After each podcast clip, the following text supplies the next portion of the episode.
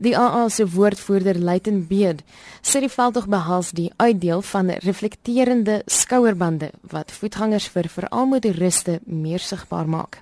Voetgangers is ongelukkig in hierdie posisie dat hulle moet loop na hulle werk of hulle skool toe elke dag en van hulle dra ongelukkig nou ook donker klere.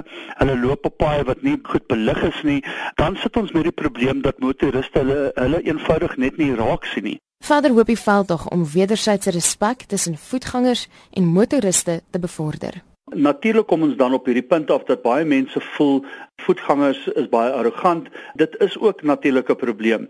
Een van die projekte waarmee die AA besig is, is om kinders op te lei hoe om beter voetgangers te wees, soos om die reëls van die pad te ken, waar kan jy loop, wanneer kan jy loop, hoe moet jy oor 'n pad loop, want dit is ook natuurlik baie belangrik. Hy sê motoriste en voetgangers maak oor die algemeen almal foute op die pad en dus moet beide partye bedag wees op die manier hoe hulle die pad gebruik. Een van die groot oorsake van padsterftes is egter wanneer mense oor die pad loop waar hulle nie moet nie daar is mense wat onverskillik oor 'n pad uh, hardloop of loop. Hulle doen dit uh, as die son opkom en as die son sak. Ehm um, en dit is natuurlik baie gevaarlike tye. So ehm um, hulle is glad nie bewus van die moeilikheid wat hulle veroorsaak nie.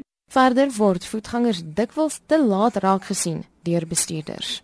As jy byvoorbeeld teen 60 km/h ry en jy kyk net vir 5 sekondes weg van die pad af na jou selfoon of na jou radio, dan ry jy 83 meter voordat jy daai persoon gaan sien en as jy net 100 meter het om in te stop, is die kans redelik groot dat as iemand voor jou inhardloop dat jy daai persoon gaan raakry. Nog 'n oorsaak van voetgangersterftes is kinders wat nasionale paaie moet gebruik om skool toe te loop omdat daar nie ander paaie is om hulle skole te bereik nie.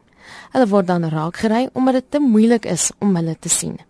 En dis in die geval van dronk bestuur, is dit nie 'n wyse besluit om dronk huis toe te loop nie. Dronk voetgangers of mense wat onder die invloed van dwelms is terwyl hulle op die pad loop, is 'n groot groot gevaar.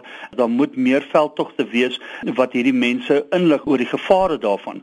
Weereens wil ek net sê, dit is 'n groot probleem, maar as motoriste het ons ook 'n rol om te speel en ons moet seker maak dat ons hierdie mense meer vinnig sien en dat hulle meer sigbaar is.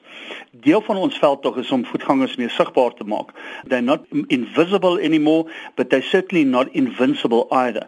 Dit was die AA se woordvoerder, Luitenbeed.